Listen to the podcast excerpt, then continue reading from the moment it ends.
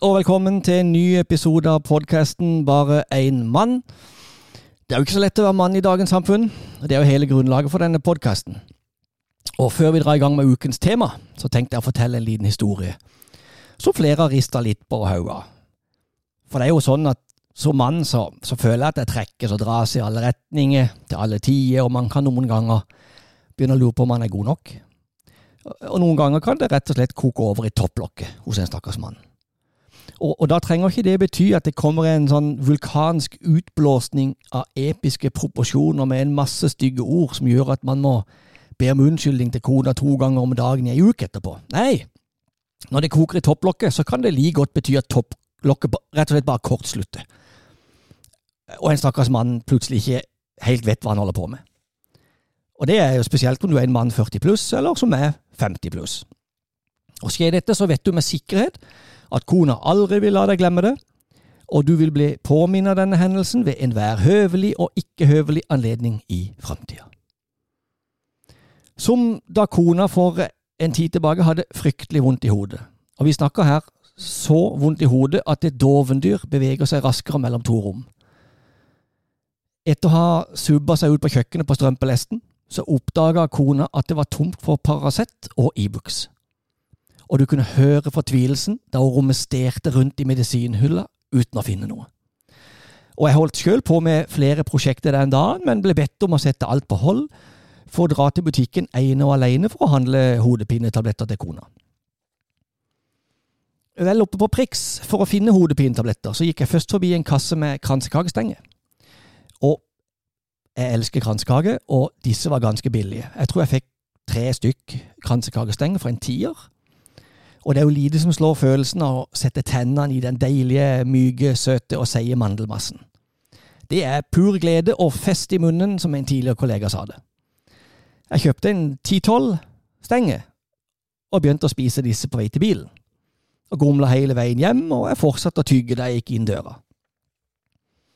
Og Der i gangen sto kona med begge hendene utstrakt i tiggerstilling, og to øyne som så vidt var åpne på grunn av det skarpe lyset fra ei lita lampe i taket. Hvor er Paraceten? hviska hun. Og jeg gjorde jo som enhver mann som er glad i livet ville gjort.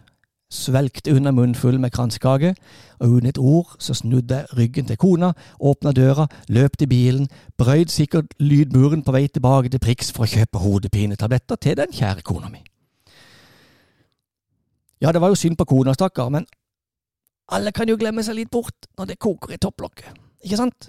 Og det er jo ikke så lett å være bare en mann heller, spesielt ikke når det er tilbud på kransekakesteng. Og med disse ord så ønsker jeg velkommen til en ny episode. Start the engine!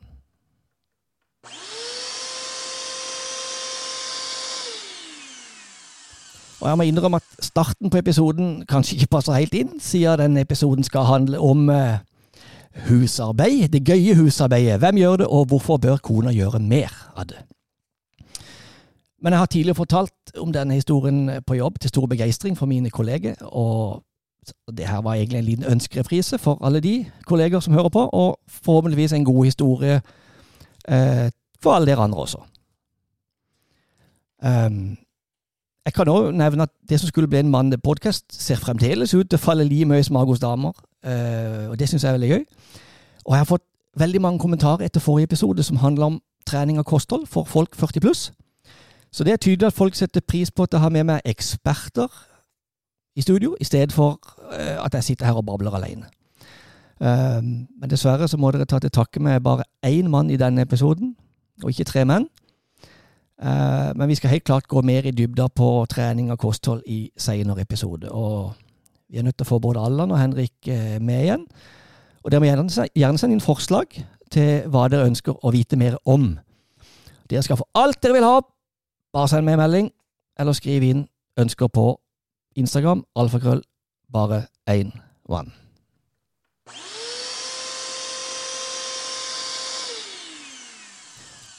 Dagens episode skal altså handle om husarbeid, og det er jo enda en ting som gjør livet surere og vanskeligere for en mann. Av alle ting en mann må gjøre, så forventes han jo i tillegg å måtte ta sin del av byrden også innenfor husets fire vegger. Gressklipping, snømåking, husmaling, vedstabling og andre utendørsprosjekter, som oftest er instigert av kona selv, er tydeligvis ikke nok. Så til dere yngre menn, jeg føler med dere. Men jeg kan si at etter hvert som dere blir eldre, så blir dere mer nummen mot det. Når jeg kommer inn på soverommet nå og finner et eh, gigantisk fjell av klær på senga, så er det bare på med Netflix eller eh, finne en podkast, og så begynne å telle strømper og brette klær. Uh, det går på et vis. ja, jeg får også tilsendt en del videoklipp på Instagram fra lyttere av podkasten om temaet menn og kvinner, og det er jo gøy. Og det er den, ja, det er den beste underholdninga, det. Så bare fortsett å sende dette om dere finner noe som passer inn i det vi har snakka om i poden. Og det, det, kommer et uh, sånt lydklipp litt lenger ut i episoden som jeg fikk tilsendt. et skikkelig bra et. Så fortsett å sende sånne hvis dere kommer på noen. Uh, men bare så det er sagt, så vil jeg aldri ta sånne klipp og lade som det er mine egne opplevelser. Men noen ganger, noen ganger, så vil slike videoer vekke til mine faktiske og egne opplevelser også. Og da kom jeg på en klassiker hjemme hos oss. Og jeg vil tro at det er en klassiker i de fleste andre hjem også. Og historien den kommer straks, men først skal vi ha litt bakgrunnsstoff. For jeg tror at kona mi alltid har hatt litt støv på hjernen. Og jeg er sjøl over gjennomsnitt interessert i å ha det rent og ryddig. Jeg tror jeg er over gjennomsnittet, i hvert fall. Men det har nok noe med alder å gjøre eh, også, for jeg var nok mindre nøye på det da jeg var i 20-årene. Da jeg bodde alene i leilighet på 90-tallet, så vaska jeg opp og lot alt stå på benken for å renne av. Og ingen vits å sette glass og tallerkener inn i skap når jeg kunne hente de rett fra kjøkkenbenken. Jeg hadde òg dusjkabinettet på kjøkkenet i en periode, men det får være en annen historie. Eh, som den gangen da jeg gikk ut av dusjen om morgenen og tråkka barbeint på en ukokt pastaskrue. Hvis det, dere tror det å føde er vondt. Uansett, nå liker jeg å ha det rent og ryddig rundt meg, og på grunn av arbeidstidene våre, så er det kona som lager middag hjemme hos oss, mens jeg tar kjøkkentjenesten etterpå. I ukedagen så lager jeg alle nistepakker, eh, og jeg lager frokost til kona. Sånn har det vært i mange år nå, og det fungerer veldig bra. Og noen ganger så smeller jeg til meg ei deilig middelhavsgryte med lam til søndagsmiddag, laga i ei jerngryte. Den beste maten er jo den som står og putrer i fire-fem timer. Men kona er i utgangspunktet kokken hjemme hos oss, og jeg er den stakkarslige kjøkkenhjelpen. Og det å stå i oppvasken hjemme hos oss, det føles forresten som å stå i oppvasken på Ernst hotell før oppvaskmaskinen ble oppfunnet. Og nå, nå har vi oppvaskmaskin, men det er jo begrensa hva man kan få inn i den. Og når kona lager mat, deilig mat, så bruker hun alt hun kan finne av potter, gryter, panner og ildfaste former og det tar minst like lang tid å ta oppvasken som det tar å lage selve maten. Selv med oppvaskmaskin på plass. Og, og, vi har en sånn air fryer hjemme hos oss, og det er jo en genial oppfinnelse når du skal lage mat. Men å vaske den etterpå, ja, det er jo et sant Men det var en digresjon. Jeg får neppe noe sympati fra noen eh, på grunn av dette uansett. Poenget er at jeg sjøl ønsker å ha det rent og ryddig nå, og jeg kan ikke bare la oppvasken stå til seinere. Jeg må ta den med en gang. Jeg orker ikke å utsette sånne ting. Så hjemme hos oss så har vi det egentlig Vi har egentlig alltid hatt det både rent og ryddig. Og vi støvsuger, vi vasker gulvet minst en gang i uka, og har det ellers som sagt ganske pent. Baderomsgulvet det er en annen sak. For der er det konstant svære klaser med langt damehår etter at kona og dattera har stått og børsta herligheten på hodet uten å plukke opp etter seg. Og det er egentlig rart de har noe hår igjen på hodet.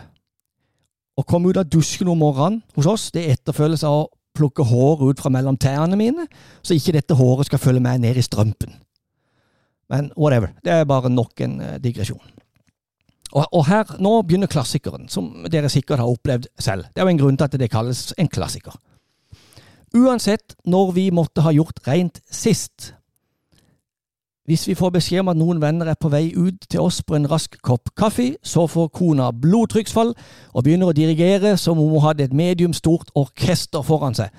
Og da må vi hente støvsugeren, og vi må tørke alle bord og benker, vi må rydde på plass eventuelle klær som ligger ubretta i en haug på senga, og gulvet må vaskes. Vi må heldigvis ikke vaske gulvet, for det gjør kona selv. Hvis ikke du forsto hvorfor jeg la trykket på pronomenet vi, så anbefaler jeg at du hører gjennom første episode. Før i tida, da barna var små, så lå det jo i tillegg eh, leketøy overalt, men alt måtte ryddes og bæres bort hvis vi fikk besøk. Og jeg forsøkte meg med at de ikke gjorde noe om det så ut som vi faktisk hadde barn, men da ble jeg bare møtt med et par fnys. Eh, og det var bare å gjøre som kona befalte. Og da duften av furunål fylte huset, og de besøkende endelig kom inn døra, så måtte vi som vanlig i tillegg beklage alt rotet. Og nei, jeg forstår det ikke heller. Eh, og ikke sjelden så kunne de besøkende finne på å spørre om det ikke bodde folk hos oss. Det var ingen tegn til det, i hvert fall. Når vi derimot kommer på besøk til andre, så har jeg sett at det er en del andre som ikke får blodtrykksfall og føler plutselig trang til å rydde når de får besøk. Ikke at andre ikke har det rent. Jeg har aldri følt at noen av våre venner ikke er renslige, men, men ryddige ja, kan være en annen, en annen, sak. Jeg har jo nesten vært nødt til å ta svømmetak for å kunne komme gjennom alle skoene i en vindfang hos folk når vi er på besøk. Og i andres stuer kunne man lett se at det bor folk der, for å si det slik. Og det, det syns jeg sjøl er veldig hyggelig, men når folk da sier at de beklager alt rotet, så sier kona mi det gjør da ingenting. Hm? Har det skjedd hjemme hos dere? Er dette et kjent fenomen? Kan vi klokke det inn som en klassiker? Jeg tenker vi gjør det. Og jeg tenkte en gang at dette betydde at kona kanskje ikke var så nøye både likevel, og jeg bestemte meg derfor for å støvsuge rundt potteplantene og rundt skittenhuskurven, i stedet for å løfte på det og støvsuge under. da. Men der tok jeg feil. Grundig feil. Det var ikke greit. Spørsmål.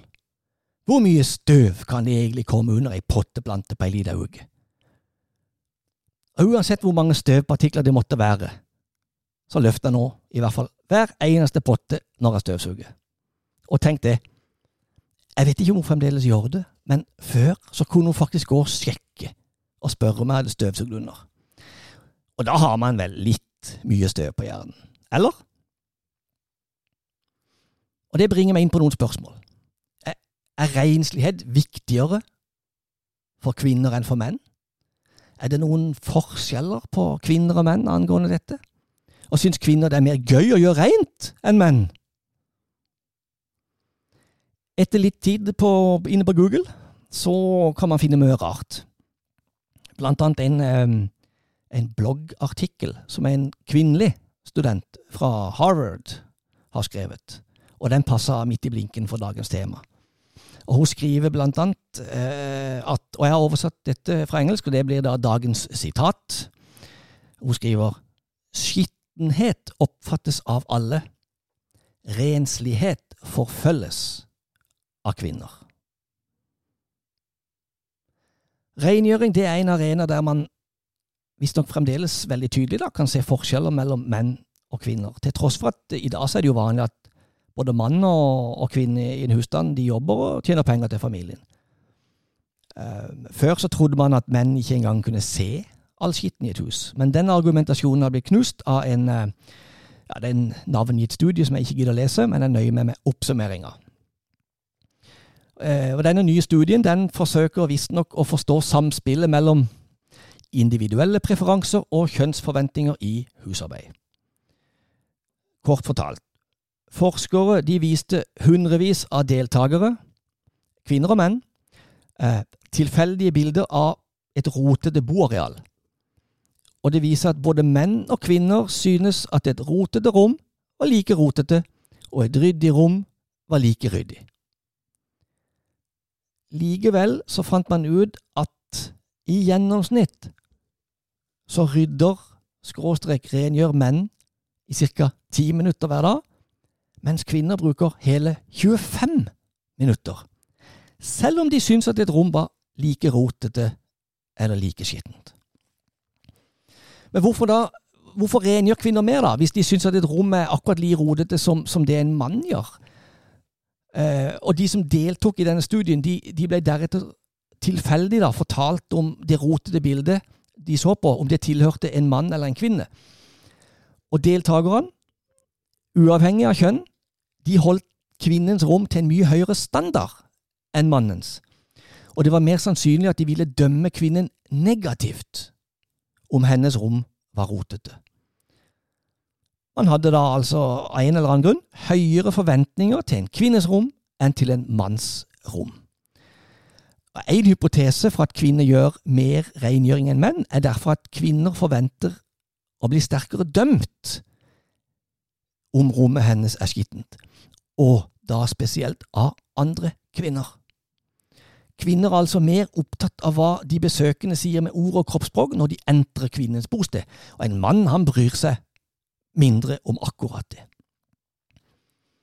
Men det kan òg være at kvinner rett og slett finner rengjøring mindre ubehagelig enn menn, og dermed bruker mer tid på det.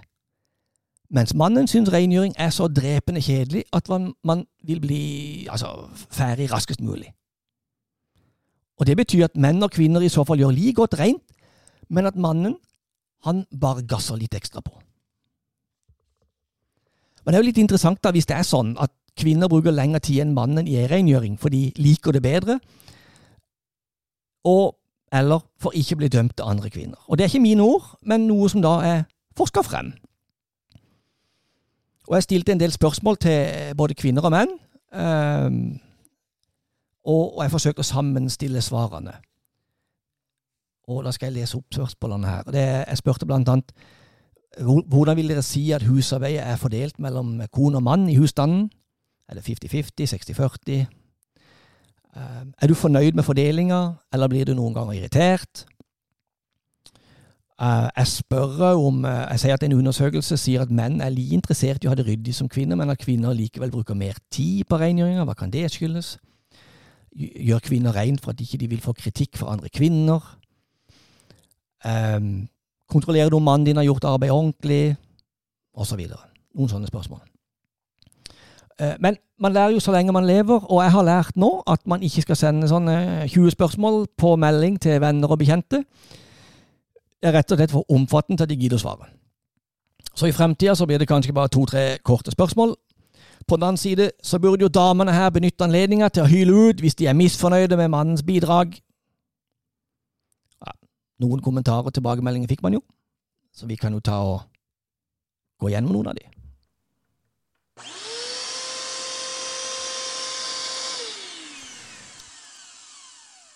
Ei kone hun skriver at arbeidsfordelinga den er ca. 50-50, og at de ikke kontrollerer hverandres arbeid.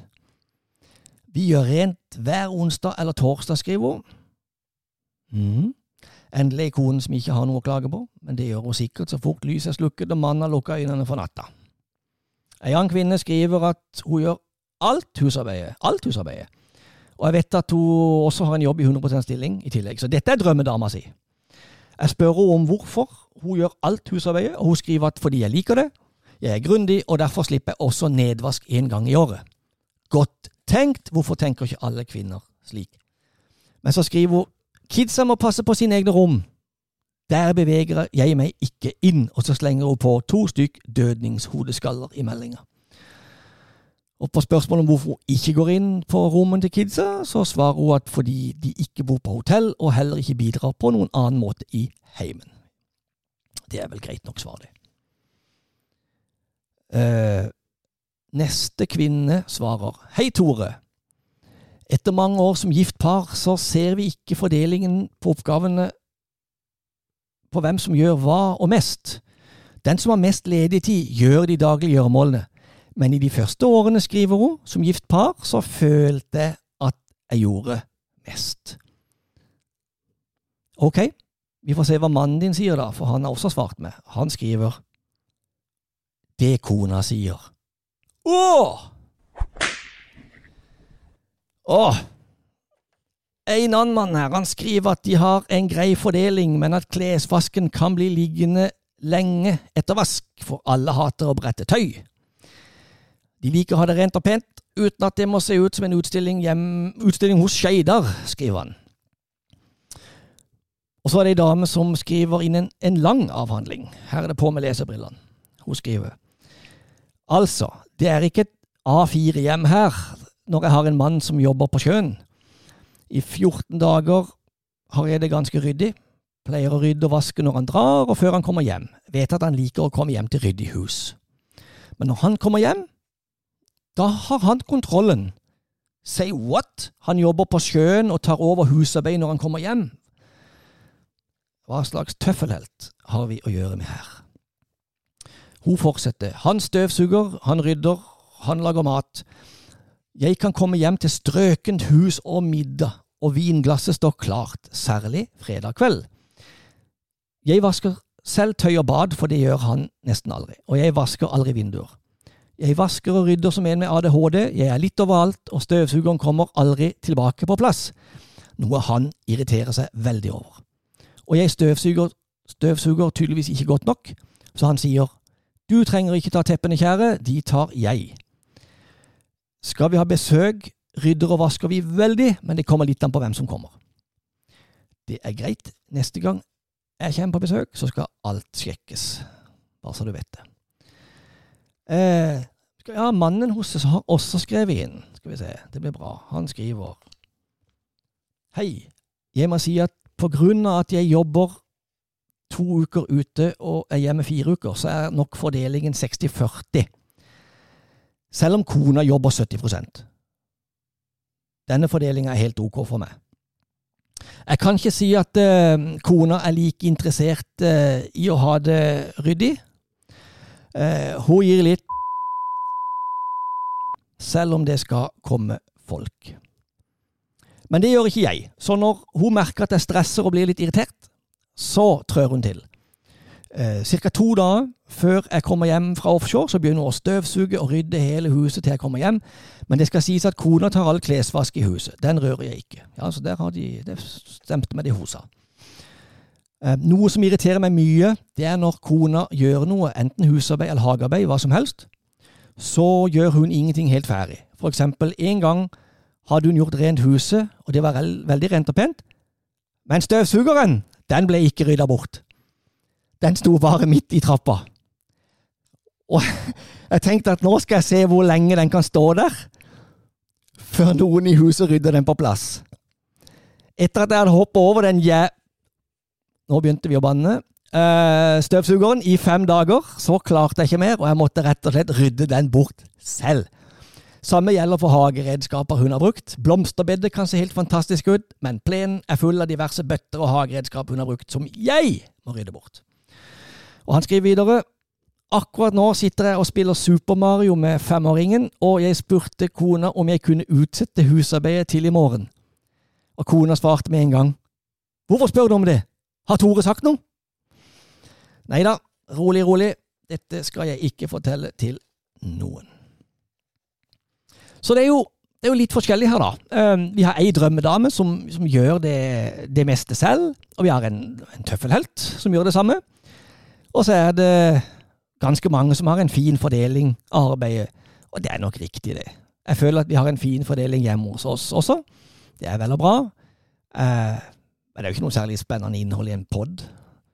Så jeg stopper, jeg stopper innspillene fra folk der. Men tusen takk for alle bidrag. Eh, det har hjulpet meg å se temaet litt klarere.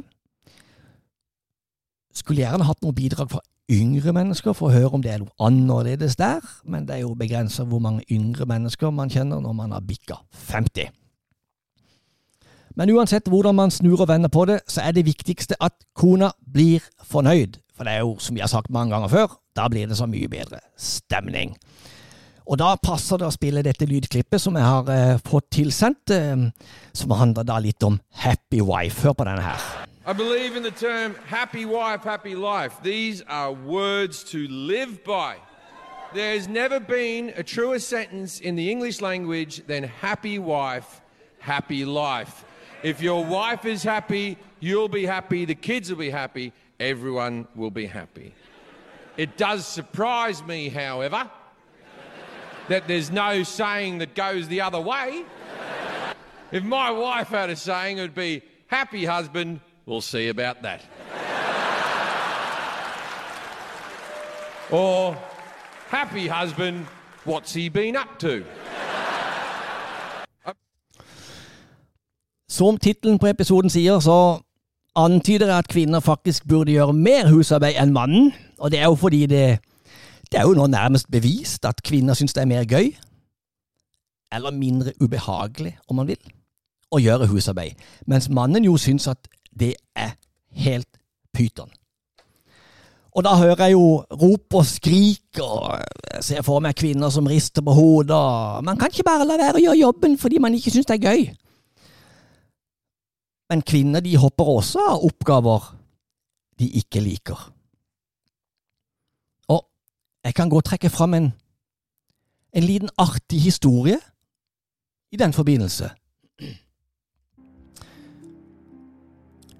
For det var en gang ei lita kone som, så ven og fin hun var, ville hjelpe til med snømåkinga. Det hadde snødd i en liten evighet når hun kom hjem fra jobb, og hun tenkte på mannen sin, som sikkert også var sliten. Og så ville hun være snill og måke hele gården ren for snø før han kom hjem. Det var nok 40 cm med en tung snø i gården på ca. 60 kvadratmeter. Den lille kona henta sørlandsskuffa av metall som vi hadde på den tiden. Den vinrøde skuffa var like stor som kona selv, og veide sikkert like mye. Hun bøyde skuffa ned og båret den dypt ned i snøen. Det fortsatte å snø, og mannen som da satt i bilen på vei hjem, hadde allerede begynt å planlegge snømåkinga. Han lurte på om kona hadde klart å få bilen inn gjennom snømassene og trygt inn i garasjen. Det regnet han med, for kona hans kunne jo klare alt. Men det var jo så mye snø. Og skulle han ta snømåkinga før eller etter middag, tro? Han svingte inn i gården, og synet som møtte ham, fremkalte forbauselse og undring. For midt i gården sto sørlandsskuffa, med tuppen båret dypt ned i snøen som et slags monument. Den vinrøde fargen sto i kontrast til den hvite snøen, og det tok noen sekunder før mannen forsto hva som hadde skjedd. Den lille kona hadde villet hjelpe til, men hadde så innsett at hun ikke engang hadde klart, kunne klare å trekke skuffa opp av snøen engang. Så hadde den lille kona heller bare gitt opp, og, og gått inn i det varme huset og begynt å kose seg med en liten kopp varm kakao. For det var ikke så gøy å måke snø som hun hadde trodd. Men mannen syns nok det er mer gøy. Eller mindre ubehagelig, om du vil. Så han kan sikkert ta det. Og snipp, snapp, snute. Så ble mannen stående og måke Så hvis mannen ikke syns det er så gøy å ta husarbeidet, og kvinnen ikke har noen problemer med det, så kan hun kanskje gjøre litt mer? Eller Kommentarer kan legges inn på Instagram-kontoen. Jeg har en annen og selvopplevd historie som er noen år gammel nå, men som eh, vi minnes med latter og glede av og til. Og det, det er egentlig rart eh, hva man kan le av etter noen år, men tiden leger jo alle sår, og også gamle minner. Skal vi ta den historien òg? Ja, ja, vi gjør det. Han handler om husarbeid, Uh, og jeg føler han passer inn som en sånn fin avslutning på, på episoden. Vi tar den. Uh, for, for en del år siden nå, så var det sånn at kona skulle invitere alle sine kolleger hjem til oss på lunsj. Og kona arbeidet, og arbeider fremdeles, i den offentlige tannhelsetjenesten. Og på det aktuelle tidspunktet så var det kun kvinner som jobbet i den klinikken. Jeg husker ikke helt, men de må ha vært syv-åtte stykk. Og Kona hadde samtidig besøk av ei kusine som bodde hjemme hos oss. Og denne kusina og jeg, vi fikk derfor i oppgave å gjøre hele huset rent til kona kom hjem til lunsj sammen med alle sine kolleger. Og vi hadde på den tida også en, eh, en hund, en beagle, ved navn Oskar. Og Oskar var en glad gutt som fremdeles ikke var helt stuerein, og i tillegg så la han igjen hår over absolutt alt. Så når kona gikk på jobb om morgenen, så spiste kusine Daisy og jeg frokost før vi begynte på husarbeidet. Og da vi hadde tre-fire timer på oss. Og hunden måtte også på sin sedvanlige morgentur, men vi mente vi hadde godt nok med tid. Jeg husker ikke om vi måtte lage mat, eller om kona hadde ordna det på forhånd. Men vi starta uansett med å gjøre reint.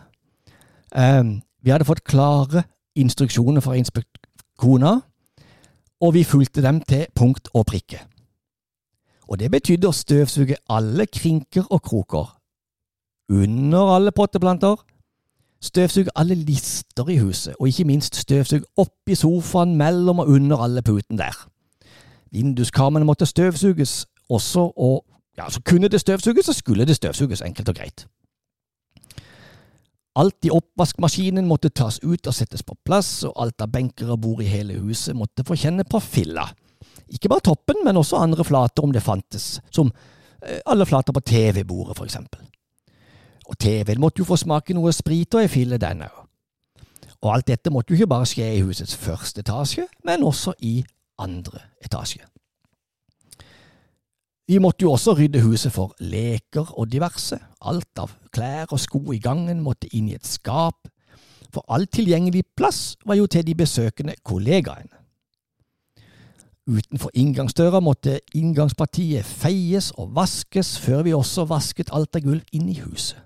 Søpla måtte tømmes, og jeg tror vi måtte jeg tror vi måtte gjemme, vi måtte flytte søppeldunkene rundt på andre sida av huset, så de ikke var synlige fra gården og når alt var klart, måtte vi begynne å dekke på bordet med duk, bestikk og glass, så alt så perfekt ut.